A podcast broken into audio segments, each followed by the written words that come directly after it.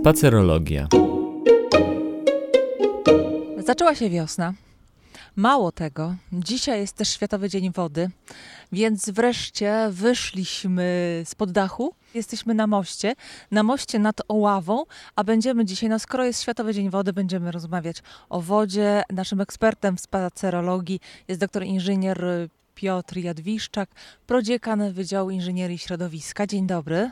Dzień dobry, witam panią redaktor, witam państwa słuchaczy. Stoimy sobie na moście nad rzeką Oławą i od razu taka konstatacja, że kampus Politechniki Wrocławskiej leży przy dwóch rzekach na bogato. Bardzo bogato. Rzeka w mieście daje ulgę.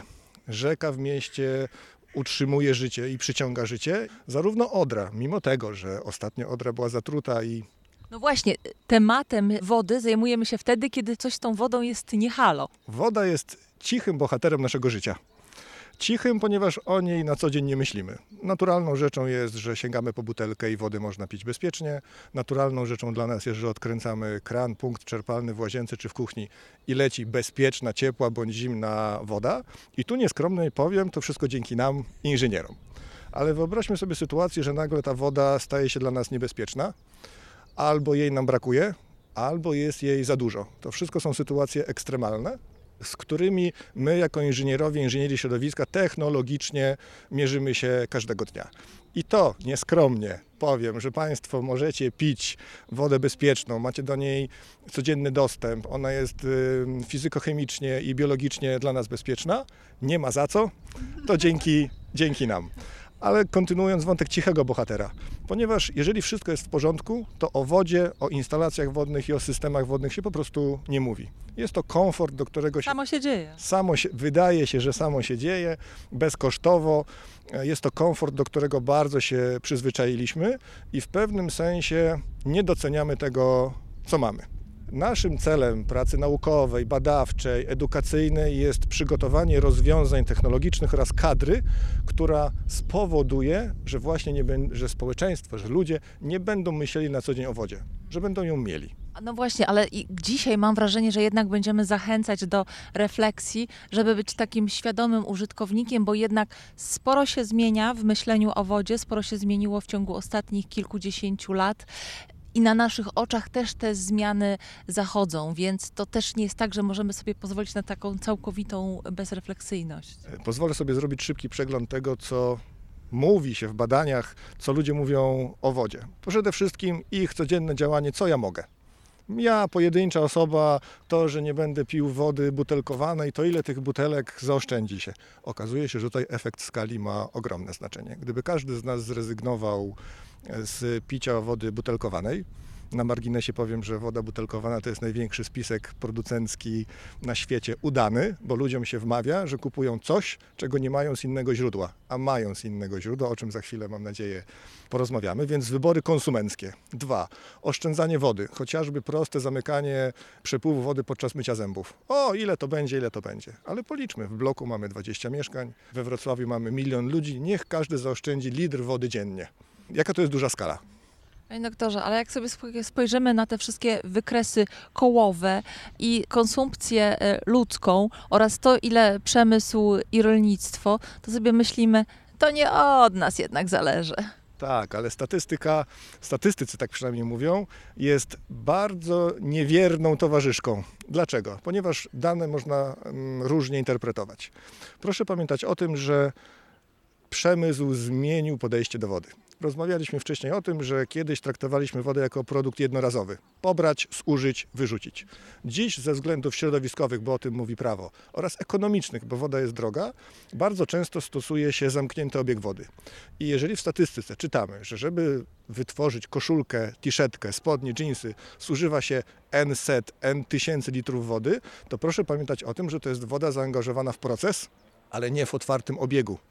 To jest woda, która krąży. Oczywiście nie mówimy o starych technologiach bądź wręcz o przestępstwach Są kraje, gdzie krąży, są kraje, gdzie nie krąży. dokładnie. Zatrzymajmy się w Unii Europejskiej, bo wtedy możemy mówić o jakimś prawie, ustawodawstwie. I proszę mi wierzyć, że energo i wodooszczędność jest dzisiaj nie tylko modą, ale również przymusem ekonomicznym i prawnym. Również słyszy się coraz częściej głosy ze strony przemysłu, że wybory konsumenckie, naciski konsumenckie, labelowanie, że chcemy wiedzieć, że ta koszulka powstała mm, w obiegu zamkniętym. W obiegu zamkniętym, bądź x procent tej koszulki to jest y, produkt recyklowany, konsumenci chcą takich produktów. I dzięki temu świat powoli zmienia się niewidocznie dla nas. To znaczy, my, inżynierowie, wiemy, że w tym zakładzie poprawiliśmy gospodarkę wodną, w tamtym zakładzie poprawiliśmy gospodarkę wodną, ale ta informacja bardzo rzadko mm, przenika do typowego Kowalskiego. Stoimy sobie tutaj na moście nad tą ławą, bardzo przyjemnie. Myślałam, że ptaki będą śpiewać, a to kruki i gawrony też na swój sposób można powiedzieć, tak. że śpiewają, znaczy dają znak życia, czyli przyroda żyje. Wędkarze łowią, znaczy, że przyroda też żyje w wodzie, chociaż znalazłam takie dane, że właściwie 98% polskich rzek to są cieki zanieczyszczone. Tak, mieliśmy uciekać od statystyki, mieliśmy taką cichą umowę, bo uważamy, że każdy ze słuchaczy znajdzie te dane. Te wszystkie przerażające liczby. Przerażające dane, ale ja wciąż zachęcam do bardzo świadomej interpretacji tego, co widzimy. Nie to, że jestem jakimś ekoturbo mm, zwolennikiem i optymistą, ale te normy również się z latami zmieniają. I na pewno. Śrubują się? Śrubują się, tak. To tak jak certyfikacja energetyczna naszych lodówek czy pralek. Porównajmy tą z lat 70. i tą z roku 2010, a z 2020 to będzie zupełnie inna technologia. Również punkty świetlne, LEDy, mamy inne metody certyfikacji. Poza tym rozwój cywilizacyjny spowodował, że my do środowiska, a do wody, będziemy o niej dzisiaj głównie mówili, wprowadzamy zanieczyszczenia, o których w latach 70. czy 60. XX wieku nikt nie miał pojęcia przemysł chemiczny, nasze wygodnictwo, przemysł farmaceutyczny powoduje, że pojawiają się zanieczyszczenia, z którymi my znów jako inżynierowie do ujmowania i uzdatniania, produkowania bezpiecznej wody musimy się praktycznie codziennie borykać. Wciąż w publikacjach naukowych pojawiają się nowe związki chemiczne, których działania również do końca nie znamy na e, organizmy żywe. Podajmy tylko dwa przykłady. Kiedyś świat zakochał się w azbeście, i kiedyś świat y, zakochał się w DDT, czyli w środku owadobójczym i one były lekarstwem na wszystko. Historia pokazała, że są trucizną i zabójstwem. I są obecne w środowisku do dzisiaj.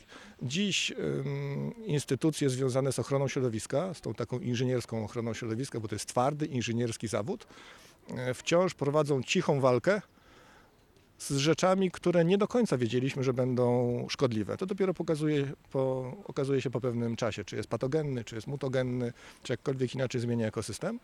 Ale wykorzystując to, że jesteśmy nad ławą, widzimy, że panowie wędkarze żywe ryby wyciągają z rzeki. No nie wiem, na razie tam siedzą i medytują. Tak, tak, dokładnie. Ale może rzeczywiście coś wyciągają od czasu do czasu. Wracając również do bezpieczeństwa sanitarnego, Zachęcamy do picia wody z kranu. Jest ona bezpieczna. Nie zawsze może być smaczna, ponieważ mieszkamy w tak rozległym mieście, że średni wiek e, rury wodociągowej, która doprowadza wodę do naszego mieszkania, może być różny. Mamy zarówno nowe deweloperskie osiedla, gdzie wszystko jest nowe, wykonane z tworzyw bardzo przyjaznych wodzie, utrzymujących ich jakość, ale domyślamy się, że Stare Miasto oraz Krzyki, Biskupin czy inne stare osiedla mają, mają infrastrukturę, która oczywiście jest y, sukcesywnie wymieniana, które potrafią wtórnie pogorszyć jakość wody. Jest to, nie wiem, żelazo czy inne mm, związki, które z przewodów trafiają do wody, ale nie są one dla nas szkodliwe. Może to zabrzmieć jak żart, ale okazuje się, że woda nie może być zbyt czysta. Woda musi zawierać mikroelementy dla naszego zdrowia. Oczywiście nie mówimy tutaj o sytuacji, kiedy, nie wiem, magnezu czy sodu jest tam zdecydowanie za dużo, czy związków żelaza, ale nie wolno nam pić wody destylowanej. Tak. Proszę sobie wyobrazić, że w fabrykach wody mm, butelkowanej bardzo często wprowadza się wodę w stan destylacji, a później wtórnie wzbogaca się w kontrolowany sposób. W wodociągach tego nie ma. Wodociągi przygotowują wodę według normatywów polskich i może to jest duży skrót myślowy z tego, co daje im natura. Przed nami hydropolis, wodociągi, cała ta infrastruktura, miejskie przedsiębiorstwo wodokanalizacyjne, które odpowiada właśnie za to, że mamy wodę zdatną do picia bez przygotowania z kranu. I o tym za chwilę, a na razie powoli schodzimy z tego mostu, jeszcze zaznaczając, że woda pod tym mostem płynie jak to woda, płynie z góry na dół, ale też płynie pod mostem w takiej infrastrukturze specjalnej. Jasne. I tutaj trafiamy na punkt, który mówi o tym, czy rzeka w mieście to dobry czy zły czynnik. Klimatycznie jest świetna, biologicznie, ekosystemowo jest świetna, technologicznie jest przeszkodą, którą infrastrukturalnie musimy pokonywać, zarówno dla ruchu, nazwijmy to pieszego i drogowego, ale również dla infrastruktury wodno-kanalizacyjnej, ciepłowniczej, gazowniczej i każdej innej, którą zajmujemy się, mówię o tym, czym zajmujemy się na co dzień na Wydziale Inżynierii Środowiska. I tu, stojąc nawet na tym moście, pod stopami mamy kilka przewodów rurociągowych, które wykorzystują tą kładkę czy most jako konstrukcję nośną do pokonania brzegów. Ponieważ jeżeli spojrzymy na mapę Wrocławia, wiemy, że zakład produkujący wodę, nasza wrocławska fabryka wody, jedna z kilku, znajduje się w obszarze oddzielonym od reszty miasta ciekami wodnymi, który musi pokonać. I to robimy. I zachęcam wszystkich spacerowiczów, jeżeli wiosną będą chodzili i oglądali nasze wrocławskie mosty, żeby w miarę możliwości zażyć pod spód. I tam zobaczycie rury, przewody, które dają nam ciepło, wodę, bezpieczeństwo sanitarne kanalizacji oraz gaz do naszych kuchenek, kotłów, pieców i innych urządzeń gazowych. Przechodzą ludzie i ten most tak chodzi, rusza się. Strzałka, strzałka ugięcia jest dopuszczalna, projektant to przewidział, tak ma być. Okej, czujemy się bezpiecznie, ale na wszelki wypadek schodzimy już z niego, idziemy dalej.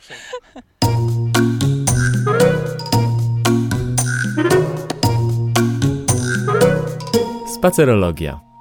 Tutaj mamy e, geocentrum, ale mamy też taki bardzo charakterystyczny parking, który też jest znakiem czasów, prawda? Bo ten parking jest zrobiony z takich ażurowych elementów, które pozwalają przepuszczać wodę. I tak się teraz robi. Tak, my inżynierowie mówimy, że jest to rozszczelniona powierzchnia, która nie gromadzi całej wody opadowej, która na nią spadnie, ponieważ bardzo łatwo jest uszczelnić teren asfaltem, betonem czy jakimkolwiek innym materiałem i zbierać z niego wodę. Ale każdy metr kwadratowy w czasie opadów daje pewną ilość wody.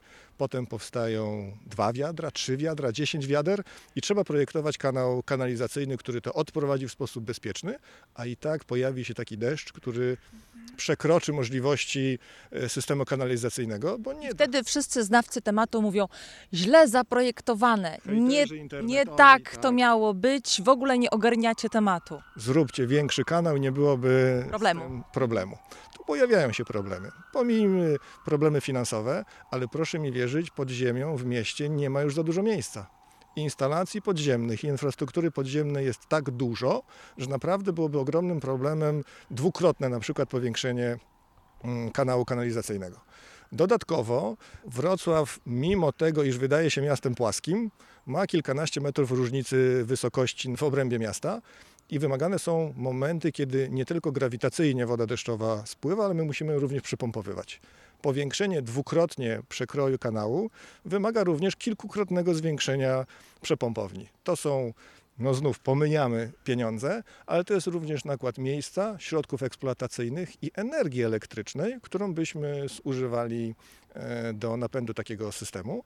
A dodatkowo, niech statystycy się wypowiedzą, ile razy w roku taka infrastruktura się nam przyda. Może się okazać, że przez najbliższe 10 lat deszcz ponadnormatywny czy nawalny po prostu się nie pojawi i wtedy ci sami sceptycy internetowi powiedzą, po co wydaliśmy tyle pieniędzy, to się w ogóle nie przydaje i tak Nie, dalej. nie będzie tego widać, w ogóle nikt się nie będzie przejmował. Ale też jest y, drugi argument. Argument jest taki, że jednak robi się coraz bardziej ta pogoda agresywna i te deszcze są właśnie nawalne i w ogóle wszystko robiło się takie bardziej ekstremalne.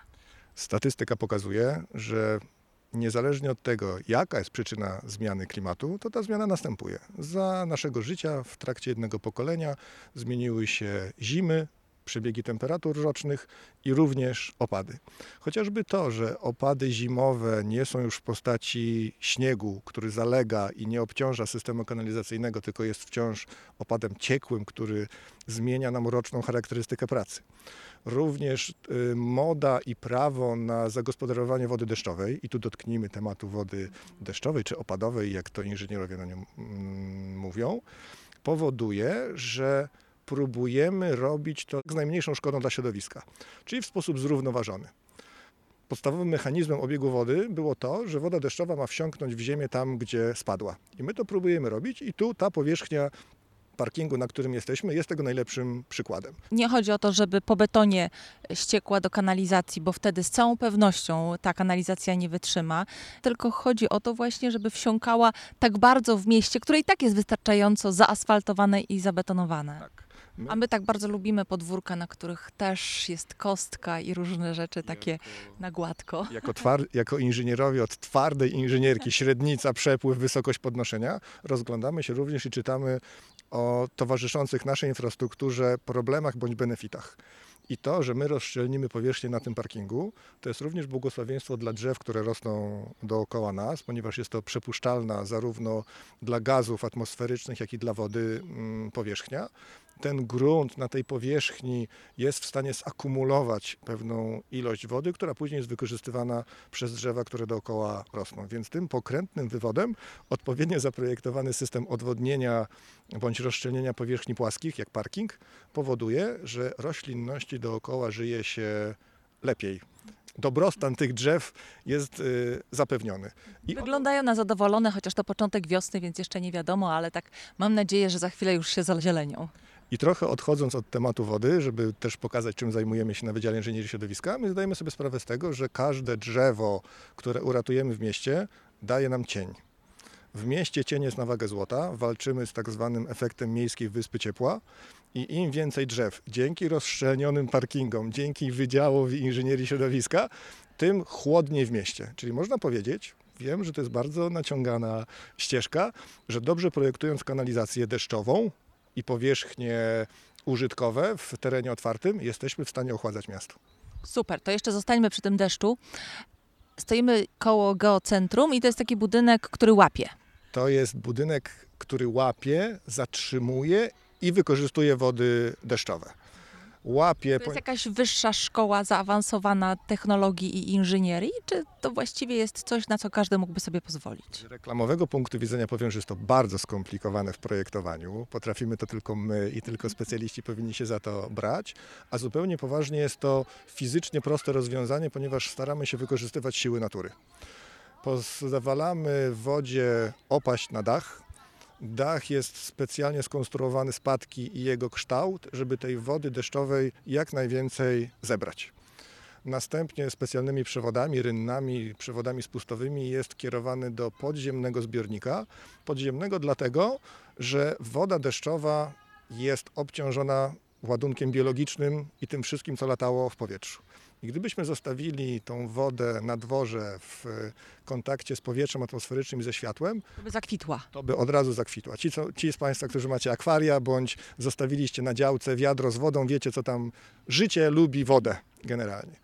To, że kierujemy tą wodę w przemyślany sposób i magazynujemy pod wodą, powo- pod ziemią, powoduje, że odcinamy dostęp ciepła, bo pod ziemią wciąż jest taki piwniczny efekt niskiej temperatury oraz światła.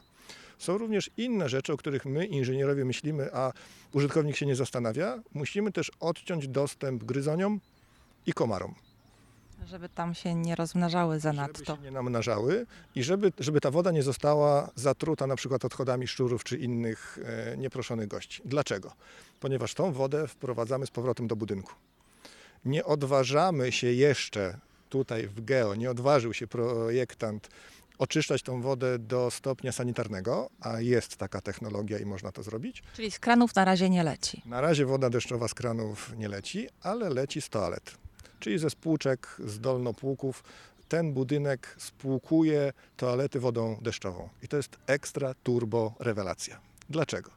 U nas w domu spłukujemy toalety wodą wodociągową, która jest zbyt cenna, żeby spuszczać ją w toalecie.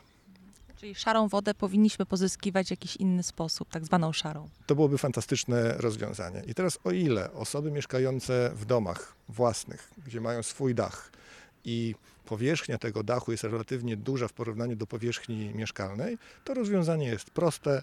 e, Dla nas, inżynierów, jest proste, technologia jest e, dostępna. Nie jest ona jeszcze atrakcyjna cenowo, ale jeżeli ktoś ma świadomość ekologiczną i potrafi poczekać kilka bądź kilkanaście lat na zwrot ekonomiczny, albo zwrot ekonomiczny nie jest dla niego najważniejszy, a raczej świadomość, to te systemy są bardzo atrakcyjne. W budynkach wielorodzinnych, gdzie powierzchnia dachu w porównaniu do mm, powierzchni mieszkalnej i liczby użytkowników jest relatywnie bardzo mała, to te systemy po prostu nie są wydajne na tyle, żeby mogły. Ale gdybyśmy w każdym budynku we Wrocławiu mogli oszczędzić od 3 do 50% wody, którą codziennie spłukujemy w toalecie i proszę o tym myśleć przy następnym e, Spłukiwaniu e, jakiegoś wacika jednego. tak, o tym też możemy porozmawiać, że wacików nie powinno się wrzucać do toalety. Proszę pomyśleć, ile tej wody moglibyśmy zaoszczędzić. Analogiczny problem jest, może problem, zagadnienie w podlewaniu zieleni miejskiej. Również bardzo często i naszej ogródkowej bądź doniczkowej, również wykorzystujemy wodę kranową, nazwijmy ją w ten sposób, która została tak przygotowana, żebyśmy mogli ją wykorzystywać do picia, do sporządzania posiłków czy do e, higienicznego życia, a nie żeby podlewać trawnik przed domem. I tutaj również jest wielkie pole do popisu dla systemu wody deszczowej, na których się znamy i które projektujemy. No i które już w tej chwili są opłacalne i wielu właścicieli domów zbiera tą deszczówkę, wykorzystuje potem. Widać, że świadomi użytkownicy realizują to w różny sposób. Nawet bardzo amatorski, czyli przysłowiowa beczka pod rynną, na systemie podziemnym, analogicznym do tego, który mamy tutaj w Geo, tylko w domach jednorodzinnych, z automatycznym systemem zraszania, bezobsługowe itd., itd. Proszę sobie wyobrazić, że nawet wprowadza się inteligencję rozproszoną, czyli możemy mieć smart podlewanie wodą deszczową, które sprawdza, czy warto podlewać. To jest jeszcze bardziej wodooszczędny system, ponieważ może on mieć połączenie z chmurą internetową, czyli sprawdza prognozę pogody, czy podlewać dzisiaj, bo zaraz będzie padało. Chmura internetowa sprawdza tę chmurę e, realną, rzeczywistą, składającą się z kropli wody. Dokładnie tak. Albo wykorzystuje się czujnik wilgotności gruntu, czy na przykład po nocnym opadzie, czy po pochmurnym dniu, kiedy ta ziemia nie była strasznie drenowana przez promienie słoneczne, czy warto podlewać. Złym prostym, ale nie najlepszym rozwiązaniem jest na przykład harmonogram czasowy. Dwa razy w tygodniu po trzy godziny. Ale jest to ślepy układ. Wolimy układy inteligentne, na których znowu muszę się reklamować, na których znowu my się, my się doskonale znamy i je polecamy. A zostając jeszcze na chwileczkę przy e, geocentrum, ten zbiornik jest duży i co się dzieje, kiedy właściwie e, no, są tak intensywne opady, że on się tak zapełnia po korek? to może powinniśmy jeszcze powiedzieć, że zbiorniki wody deszczowej mogą mieć łączoną mm, funkcję zarówno magazynu wody deszczowej, jak i okresowego przechowywania nadmiaru wody deszczowej, której nie możemy zrzucić w tej ilości do istniejącego systemu kanalizacyjnego. To rozwiązanie jest coraz częściej stosowane w miastach, gdzie istniejący, bardzo często historyczny system y, kanalizacyjny nie jest na tyle wydajny i nigdy nie będzie. To nie jest jego wada. Żeby przyjmować, wyobraźmy sobie, nie wiem, aleja Bielany z tego dachu podczas deszczu całą wodę przejmijcie i odprowadźcie. To niestety tak nie działa. Więc buduje się tak zwane zbiorniki retencyjne dużych pojemności, 14 bądź 140 metrów sześciennych pojemności podziemny, który w czasie deszczu ma gromadzić ten nadmiar wody, a później przez kolejne godziny, nawet po ustąpieniu opadów, powoli małym strumieniem oddawać je do kanalizacji. Ale dodatkowo możemy go podzielić tak jakby wirtualnie na pół. Połowa to retencja, połowa to woda deszczowa do podlewania. I ten nasz zbiornik w geocentrum działa również w taki sposób. Sprytne. Bardzo sprytne, to jest rozwiązanie inżynierskie. Sami zrobiliśmy. Sami zrobiliśmy, sami wymyśliliśmy, oczywiście żartuję, ale jeżeli ktoś chciałby zajmować się takimi rozwiązaniami, to jest naprawdę branża osobna, usługodawcza i na tym to można pracować w wodzie deszczowej, jeżeli możemy tak brudnopisem powiedzieć. I rozwiązywanie problemów wód deszczowych staje się coraz bardziej hmm, znaczące i jest związane z krytyczną infra infrastrukturą miejską.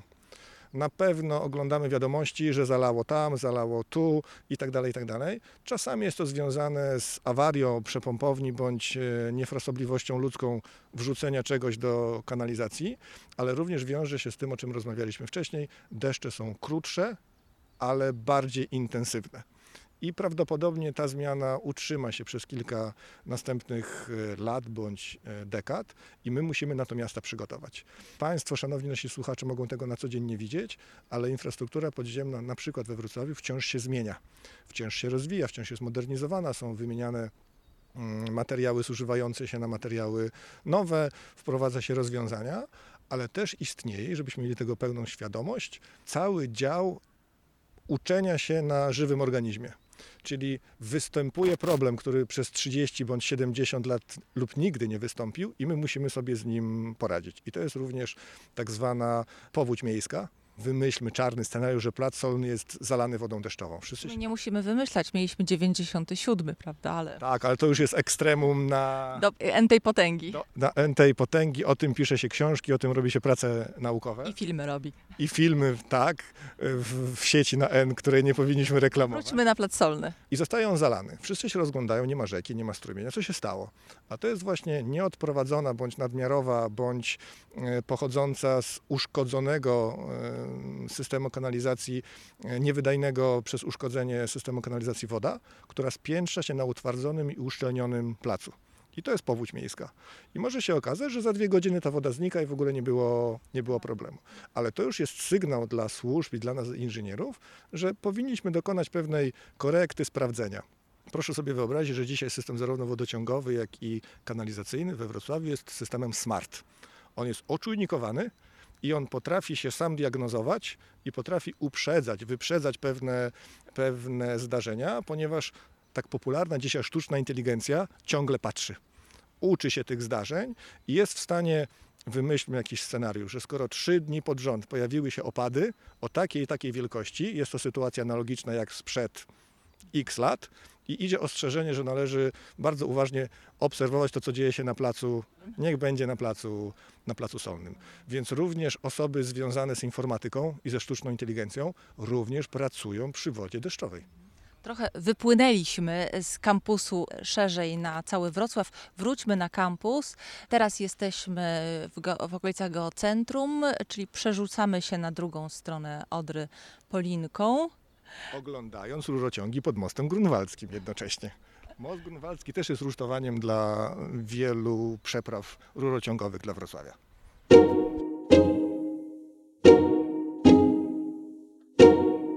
Spacerologia. A to jest do butelki. To jest, butelkę. To my dalej e, sobie chodzimy po kampusie Politechniki Wrocławskiej w poszukiwaniu miejsc związanych z wodą. No, niewątpliwie takim miejscem związanym z wodą jest poidełko. Takie rzeczy i takie cuda w nowo oddanym budynku matematyków, czyli w dawnym, w dawnym y, szpitalu, zaprojektowanym przez Maxa Berga. Więc budynek historyczny, ale z nowymi rozwiązaniami. Wśród tych rozwiązań poidełko. Moim przewodnikiem po y, wodnych tematach związanych y, z tym, jak funkcjonuje kampus, jest y, doktor inżynier Piotr Jadwiszczak. No i teraz sobie stoimy nad tym poidełkiem. Ja się przyznam, że tutaj prosiłam o uruchomienie poidełka, a pan dziekan od razu powiedział, nie, szkoda wody, ale chociaż taki jeden, taki chlub. Możemy zrobić taki chlub? Dla celów medialnych Działa. Działa. Działa i płynie. Skąd ta woda? Już wiemy, że nie z deszczówki. ta woda nie z deszczówki. Jeszcze nie, nie jest popularna taka technologia, która zamienia wodę deszczową w wodę do picia, ale poidełko, przy którym się znajdujemy, jest najlepszym przykładem zrównoważonego wykorzystania zasobów wodnych, które dostaliśmy w prezencie.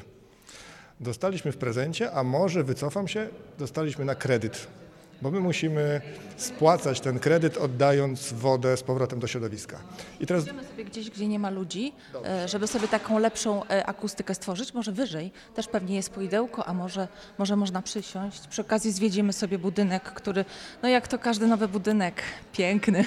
Tak, jeżeli przesuwamy się wyżej, to może od razu powiedzmy, że proszę zobaczyć, że na wszystkich piętrach budynków jest woda dostępna pod normatywnym ciśnieniem. Takie czary. Takie czary, którymi również zajmujemy się my na Wydziale Inżynierii Środowiska. Odpowiednio zaprojektowaliśmy system wodociągowy, który dostarcza wodę bezpieczną. Tu też poidełko, ale możemy sobie tam w tą niszę wejść koło kwiatka i przy okazji z takim widokiem na resztę kampusu. Zresztą tu też są takie elementy, które prowokują, o której za chwilę, a na razie wracamy do wody z kranu. Dostarczamy wodę na każde piętro instalacją wodociągową.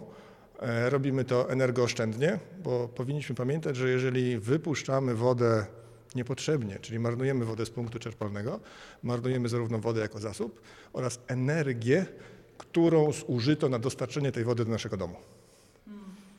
Trudne. E, Jeżeli jesteśmy w okolicach Placu Grunwaldzkiego, proszę popatrzeć również na budynki wysokie, chociażby nasz przysłowiowy Manhattan. Tam też dostarczamy wodę na najwyższe piętro. I to, Budowanie takich bardzo wysokich budynków ma plusy dodatnie i plusy ujemne. tak, ale my mamy technologię i rozwiązujemy te zagadnienia. Jeżeli możemy powiększyć e, krąg naszych obserwacji, to popatrzmy na Sky Tower. Tam na najwyższym piętrze również podaliśmy wodę jako inżynierowie z odpowiednim ciśnieniem w odpowiedniej ilości. Umiemy w wodę. Brawo wy. Porozmawiamy jeszcze o tej wodzie, bo, bo na nią we Wrocławiu patrzymy cały czas y, nie do końca ufnie, bo bywały takie czasy, kiedy rzeczywiście nie była zalecana. Zalecana do picia jest od kilku lat.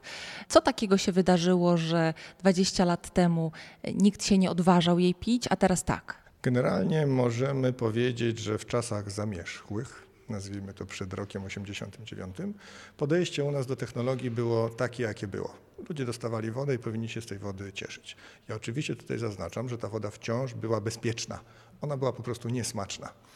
Problemy biologiczne z wodą rozwiązywano ogromną ilością chloru. Każdy z nas, kto pił wodę z kranu w latach 80., 90., wie, że wyciekała woda biała, trzeba było chwilę poczekać, aż ten chlor zniknie.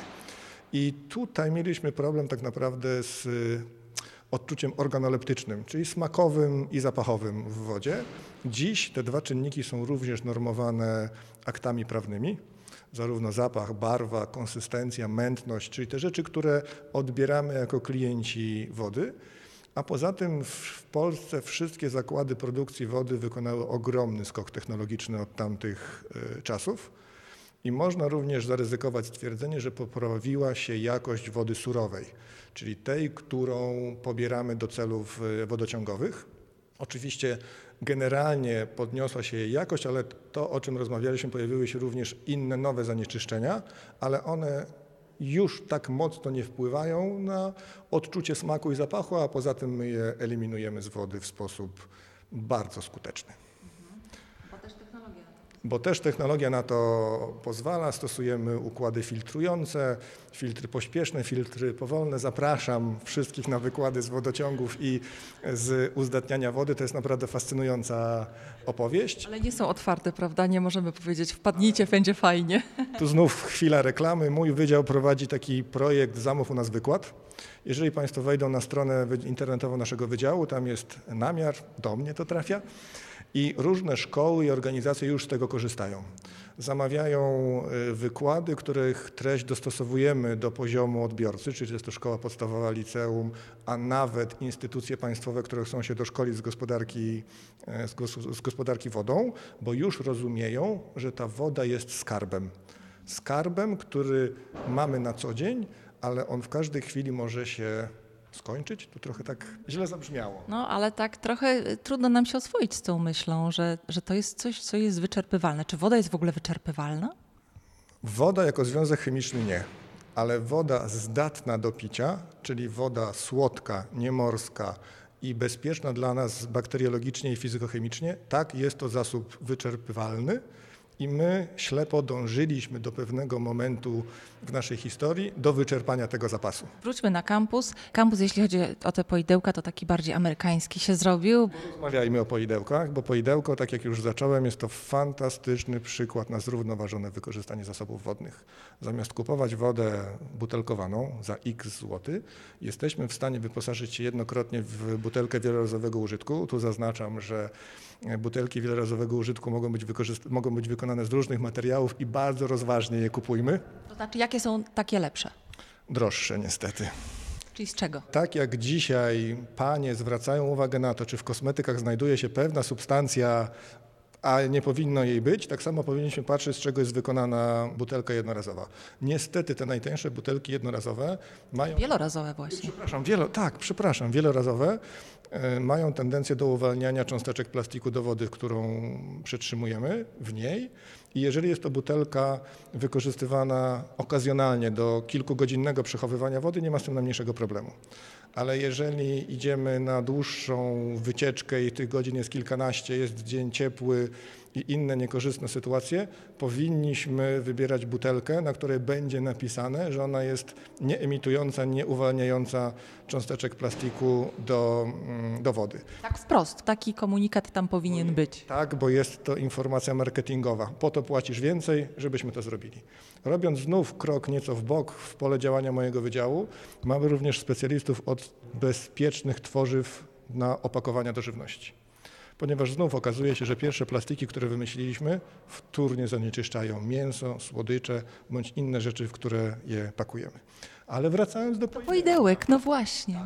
mi brakuje tutaj tylko jeszcze jednej rzeczy. Te poidełka są fantastyczne, ale ja bym chciał, żeby był przy nich licznik. Żeby każdy użytkownik, który korzysta z tej wody, zobaczył, że jest 5792 użytkownikiem w tym roku i takie rozwiązanie widziałem na lotniskach, gdzie poidełko wyposażone jest w wyświetlacz. Dodatkowo, i my to też umiemy zrobić, wyliczany jest efekt ekologiczny, że nie uwolniono do środowiska takiej i takiej ilości plastiku z butelek jednorazowego użytku, co zaoszczędziło tyle i tyle zasobów środowiska naturalnego, na przykład w ekwiwalencie CO2. To jest również pewien wabik, bo świadomość społeczeństwa rośnie i to, że dzięki temu, że pijemy z poidełka, a nie z butelki, chroni nasze środowisko, to jest bardzo ważna informacja dla wielu osób. I ja dla tych osób puszczam dzisiaj oko, róbcie to, trzymamy, jesteśmy z wami, to jest bardzo dobry, to jest bardzo dobry trop.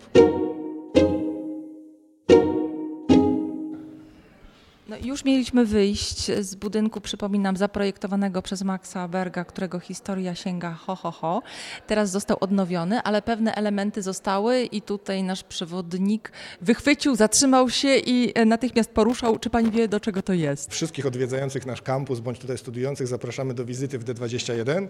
Jeżeli wejdziecie na klatkę schodową na półpiętro, pod oknami znajdują się dwie szufladki. Jeżeli przyjrzycie się bardzo dokładnie, parapet jest wyposażony w rynienkę z otworem spływowym i do tej szufladki spływa co? Właśnie woda. To jest woda, która kondensuje na szybach e, okiennych. Oczywiście jest to rozwiązanie z czasów, kiedy okna miały bardzo słabą izolacyjność cieplną i zimna szyba powodowała, że para wodna, woda jest w powietrzu, to musimy powiedzieć, pochodząca na przykład z naszej aktywności, to był szpital. Dużo osób, każdy z nas wydycha duże ilości wody, na pewno było sprzątanie, na pewno było gotowanie, na pewno było mm, generalnie wykorzystywanie wody. I ta woda, która ściekała z szyb, była chwytana w specjalny układ rynnowy i w sposób zaplanowany i przemyślany przez projektanta trafiały właśnie do tych szufladek. Te szufladki można wyjąć, zajrzeć. Wszystkich ciekawskich wody i historii tego budynku zapraszamy do D21. Koniecznie, trzeba czujnie się rozglądać, bo podejrzewam, że tu jest dużo takich fajnych, historycznych niespodzianek, a my już wychodzimy na zewnątrz, bo na zewnątrz też są elementy, którym warto się przyjrzeć i które też korespondują z naszym tematem, czyli kwestią wody na kampusie Politechniki Wrocławskiej. Proszę.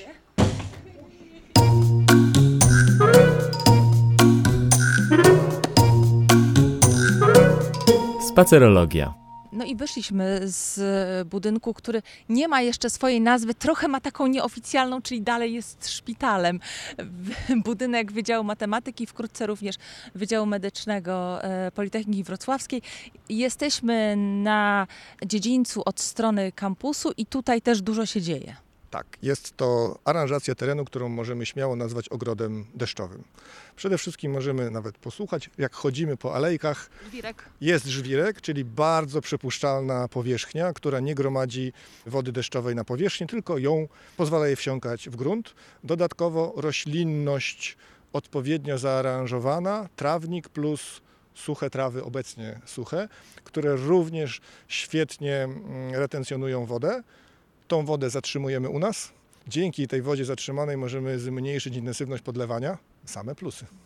Kolejnym takim miejscem, do którego zapraszamy, to jest ogród zrobiony na rzecz Ulopolis, czyli Rabata. Te, rabata. Wszystko to dla tych pszczół, które tam y, y, żyją na dachu. No i są też przedmiotem badań. Rabata jest elementem wspomagającym eksperyment z Ulopolis, ponieważ muszę to wyraźnie podkreślić, pszczoły nie są przedmiotem e, badań, one są pomocnikami w badaniach, one z nami współpracują.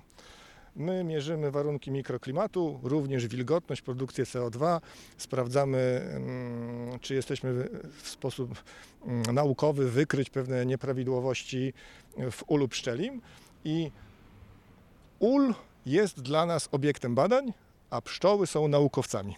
Pracowite zwierzątka Bardzo, jedne. bardzo pracowite, zawstydzają niejednego doktoranta i adiunkta.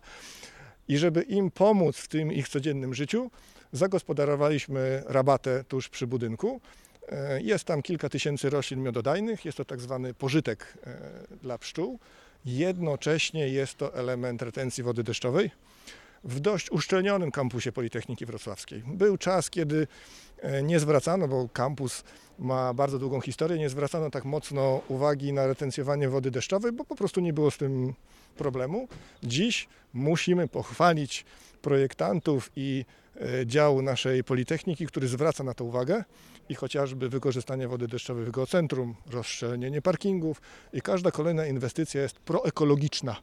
Mamy ambicje jako uczelnia, żeby nasz kampus stał się zielonym kampusem. Teraz na przykład mijamy pod D20, mijamy rabatę. I proszę, proszę zobaczyć, że ta rabata jest podlewana, ale w niecodzienny sposób, czyli układem kropelkowym. Dlaczego? Żeby oszczędzać wodę. Tradycyjny tryskarz rozrzuca tą wodę w powietrze. Nie cała część trafia do gruntu i do systemu korzeniowego roślin, odparowuje w powietrzu. Tu zastosowano wodooszczędny system kropelkowy. I gdybyśmy stosowali więcej takich rozwiązań, naprawdę skarb wody, który dano nam w posiadanie, byłby zdecydowanie lepiej wykorzystywany. Również jesteśmy na rogu bibliotechu, stoi koło nas krasnal. Mamy dwie płyty, na których napisane jest ciepło. Ciepło. I to jest miejsce, w którym woda pracuje dla nas, ponieważ jest to komora mm, zaworowa systemu ciepłowniczego we Wrocławiu. Czyli systemu, gdzie woda pod ziemią dwoma przewodami dostarcza nam ciepło do budynków. Czyli nie tylko korzystamy z wody do celów sanitarnych i spożywczych, ale również woda, no powtórzę, Jest nośnikiem energii jest po prostu. nośnikiem energii, pracuje dla nas. Takich systemów oczywiście jest więcej, również systemy klimatyzacyjne na wodę lodową, również systemy inne wykorzystujące, nie wiem, do nawilżania czy do osuszania powietrza, e, przemiany wody w różne stany, magazyny chłodu w lodzie i inne rozwiązania. Woda jest wszędzie. Wodą można bawić się na co dzień na plaży, ale można też również współpracować z nią w układach technologicznych, czerpać z niej energię, nieść nią energię, byle była i byle byśmy ją szanowali.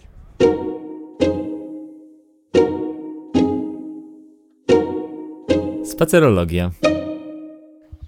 I znowu jesteśmy w pomieszczeniu. Naszym przewodnikiem jest doktor inżynier Piotr Jadwiszczak, prodziekan Wydziału Inżynierii Środowiska. A weszliśmy do pomieszczenia, żeby porozmawiać o komforcie. Tu nie ma wygodnych kanap, żeby sprawa była jasna, raczej twarde krzesełka, ale tematem jest komfort cieplny i taki związany też z wilgotnością powietrza. Doskonale znamy po zimie nawilżacze, pewnie jeszcze stoją gdzieś e, w mieszkaniach na wierzchu, niepochowane. Na pewno. Rozwińmy to sformułowanie do mikroklimatu, czyli do parametrów, które mamy w pomieszczeniach. Tam jest temperatura, tam jest wilgotność, tam jest poczucie przyciągu i wiele, wiele innych zjawisk, na których my również się znamy na Wydziale Inżynierii Środowiska. Uczymy klimatyzacji, wentylacji. Dlaczego o tym dzisiaj mówimy? Bo woda jest czynnikiem kształtującym nasze odczucie komfortu cieplnego i komfortu duszności. Jeżeli tej wody w powietrzu jest za mało, i to najczęściej jest w okresie zimowym, wydaje nam się, że wszystko nam wysycha. Oczy, błony śluzowe w nosie, usta, such- czujemy suchość i wtedy my projektujemy system nawilżania powietrza. Ten system nawilżania powietrza może być bardzo prosty bądź skomplikowany. My lubimy te skomplikowane, ponieważ one są znów wodooszczędne. Czyli one czy w sposób, nie wiem, dawkowania pary, czy wtryskiwania wody do powietrza wentylacyjnego, dodają tyle wody, ile trzeba, żebyśmy się czuli dobrze. Umiemy również osuszać powietrze i to szczególnie jest w okresie letnim, kiedy żartem mówiąc leje się po nas. My zarówno obniżamy temperaturę w pomieszczeniu układem klimatyzacyjnym, jak i staramy się normować wilgotność, osuszając powietrze, czyli eliminując wodę z powietrza. Proszę sobie wyobrazić, że z centrali wentylacyjnej pracującej w lecie wciąż cieknie woda. Nad tą wodą pracujemy również u nas na wydziale, żeby traktować ją co najmniej jak wodę deszczową, czyli próbować ją wykorzystać do celów niespożywczych, czyli do tego wszystkiego innego, do czego woda może być e, potrzebna.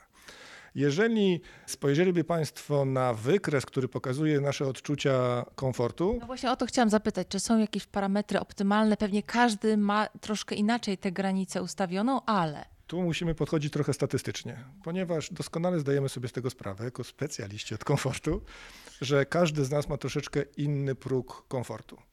Znamy tą sytuację, że siedzimy w parę osób przy stole, ktoś jest na krótki rękaw, a ktoś inny siedzi w polarzy i im obu jest dobrze. Więc musimy tutaj przyjąć pewne statystyczne e, rozwiązania. E, sprawdzamy odsetek osób niezadowolonych, naprawdę jest taki, jest taki parametr. I jeżeli ten odsetek jest, jako ciekawostka, mniejszy niż 5, to znaczy, że jest dobrze. My najprostszy wykres komfortu składamy z zawartości wilgoci w powietrzu i temperatury powietrza suchego. I to nie jest punkt, to jest obszar. E, jeżeli byśmy obejrzeli ten wykres, on jest dostępny w internecie, on ma dwa obszary: wysokiego komfortu, niskiego komfortu, a wszystko, co jest poza, to jest nam duszno, sucho, zimno bądź gorąco. I teraz cały taniec polega na tym, żeby znaleźć się w tym wewnętrznym obszarze komfortu, obrabiając powietrze, bo tak mówimy obrabiając, czyli dokonując pewnych zmian w powietrzu zewnętrznym, jak najmniejszym kosztem środowiskowym, czyli energetycznym i wodnym. Jak najmniej zmieniajmy temperaturę tego powietrza, bo każde podgrzanie i schłodzenie kosztuje. Środowisko, nie mówimy tu o pieniądzach, mówimy o emisji CO2. Jak również każde dodanie, czyli nawilżanie powietrza i osuszanie powietrza jest procesem energo i wodochłonnym. I ogromny zasób wiedzy i badań naukowych jest skierowany na to, żeby obróbka powietrza odbywała się jak najmniejszym kosztem środowiskowym, a jednocześnie dawała komfort osobom przemywającym w pomieszczeniach. Musimy zaznaczyć, że pomieszczenia o normowanym, chociażby wilgotnościowo, e, komforcie wewnętrznym to nie tylko pomieszczenia bytowe. To również przemysł, to również szpitale, to również pomieszczenia specjal, e, specjalnego przeznaczenia. Trochę się rymuje. Pomieszczenia specjalnego przeznaczenia, którymi również my się zajmujemy. Za tym wszystkim, że wchodzimy do galerii handlowej w lecie i jest nam komfortowo, Chcemy tam zostać i kupować, i kupować, i kupować. To już są specjaliści od zapachu. Od marketingu, tak, od ustawiania na półkach. Dokładnie, ale to instalacje inżynierów, inżynierii środowiska powodują, że czujemy się dobrze. I tu znów woda pracująca w powietrzu jest znów cichym bohaterem, bo jeżeli jest nam dobrze, to my o tym nie myślimy. My myślimy o uzdatnianiu, e, o zmianie temperatury bądź wilgotności powietrza, kiedy jest nam za gorąco, duszno, dopiero o tym myślimy. Więc jeżeli wchodzicie, kochani słuchacze, do jakiegokolwiek pomieszczenia, jest, w nim, jest wam w nim dobrze, to właśnie my to sprawiliśmy. Super. I dzisiaj jest już ciepło, a to dopiero absolutny początek wiosny. E, przed nami ten okres klimy w samochodach, w pomieszczeniach i szukania zimna. Czego nie robić? Nie przesadzać. Proszę korzystać z nich roztropnie. Roztropnie, czyli zasobooszczędnie i energooszczędnie. To, że mm, jesteśmy w stanie schłodzić sobie wnętrze samochodu do plus 16 stopni Celsjusza, a na dworze jest plus 32, jest niekorzystne zarówno energetycznie, środowiskowo, bo niepotrzebnie spalamy kończące się zasoby paliw kopalnych, jeżeli ktoś ma samochód spalinowy, tylko po to, żeby obniżyć temperaturę do poziomu dla nas niebezpiecznego w porównaniu do temperatury na zewnątrz. Wysiadając z samochodu o temperaturze 16 stopni Celsjusza do powietrza o temperaturze 32-36 możemy dostać szoku termicznego, jak również wilgotnościowego. Ja osobiście mam takie doświadczenia za sobą, kiedy dla przemysłu wykonywaliśmy tak zwane pomieszczenia suche, bo coś tam produkowali, nie mówmy co, i tam miało być 3% wilgotności. Jeżeli wchodzimy, a dla niezorientowanych w pomieszczeniach jest około 50% wilgotności. Wchodząc, nie ma sprawy, nasz organizm sobie z tym radzi, ale wychodząc z tego pomieszczenia, mamy odczucie zanurzania się w wodzie. I to samo może zdarzyć nam się, kiedy układ klimatyzacyjny naszego samochodu zbyt mocno schłodzi i wysuszy, bo klimatyzacja suszy powietrze. Wtedy osoby zdrowe nie mają z tym problemu, ale osoby z problemami zdrowotnymi, krążeniowymi bądź e, ciśnieniowymi mogą to odczuć bardzo, bardzo niekorzystnie. Ta sama sytuacja dotyczy odwrotnego układu, kiedy wsiadamy do bardzo rozgrzanego na słońcu samochodu i wydaje nam się, że układ klimatyzacji załatwi sprawę w 3 minuty. Nieprawda. On nie jest w stanie samochodu rozgrzanego do 40 do 36 stopni Celsjusza y, schłodzić bardzo szybko. Więc korzystajmy z tego roztropnie. Ta sama rada dotyczy mm, klimatyzacji, którą mamy w domach.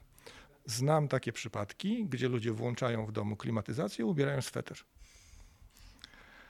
Nastawa nie musi wynosić 18 czy 20 stopni. Wystarczy nam 24.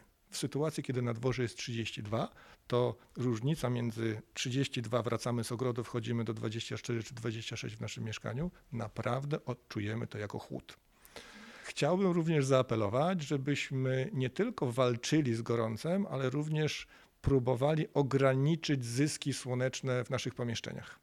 Coś, co kiedyś było bardzo popularne, markizy czy inne osłony przeciwsłoneczne, bo klimatyzator walczy tylko i wyłącznie z efektem. A my możemy spróbować zmniejszyć energochłonność kształtowania mikroklimatu w naszym pomieszczeniu, chociażby stosując osłony przeciwsłoneczne, polecam zewnętrzne, bo wewnętrzne nie są takie skuteczne, i wtedy woda pracująca w układzie klimatyzacji będzie wykorzystywana efektywniej, mniej prądu, czyli zasobów e, kopalnych, które się kończą. I proszę zobaczyć, jaki powstaje łańcuszek przyczynowo-skutkowy, że dobrze, nie ma sprawy. Damy 1000 megawatów mocy sprężarki chłodniczej, ale możemy dać połowę tego i też będzie ten sam efekt. To również Wydział Inżynierii Środowiska. I tu wracamy do punktu wyjścia. Już trochę przygotowani e, na e, lato i wakacje, jednak na razie cieszymy się wiosną. Bardzo dziękuję za ten spacer po kampusie i całą tę wiedzę o wodzie. Myślę, że to bardzo inspirujące, a też może niektórych zachęci do tego, żeby pozgłębiać. Może tu? Zapraszamy serdecznie. Woda tworzy miejsca pracy w bardzo rozległych e, dziedzinach i warto kończyć studia i pracować dookoła wody i można spróbować, zachęcam, rozwiązać światowy problem wody. Można być tym człowiekiem, o którym kiedyś będą uczyli się ludzie z książek, że ten człowiek rozwiązał problem wody globalnie. I mam nadzieję, że będzie to absolwent naszego wydziału i nas dzisiaj słucha. I tego się trzymamy. Bardzo dziękuję. Doktor inżynier Piotr Jadwiszczak, prodziekan Wydziału Inżynierii Środowiska, był dzisiaj naszym przewodnikiem spacerologii. Pięknie dziękuję. Dziękuję, do widzenia.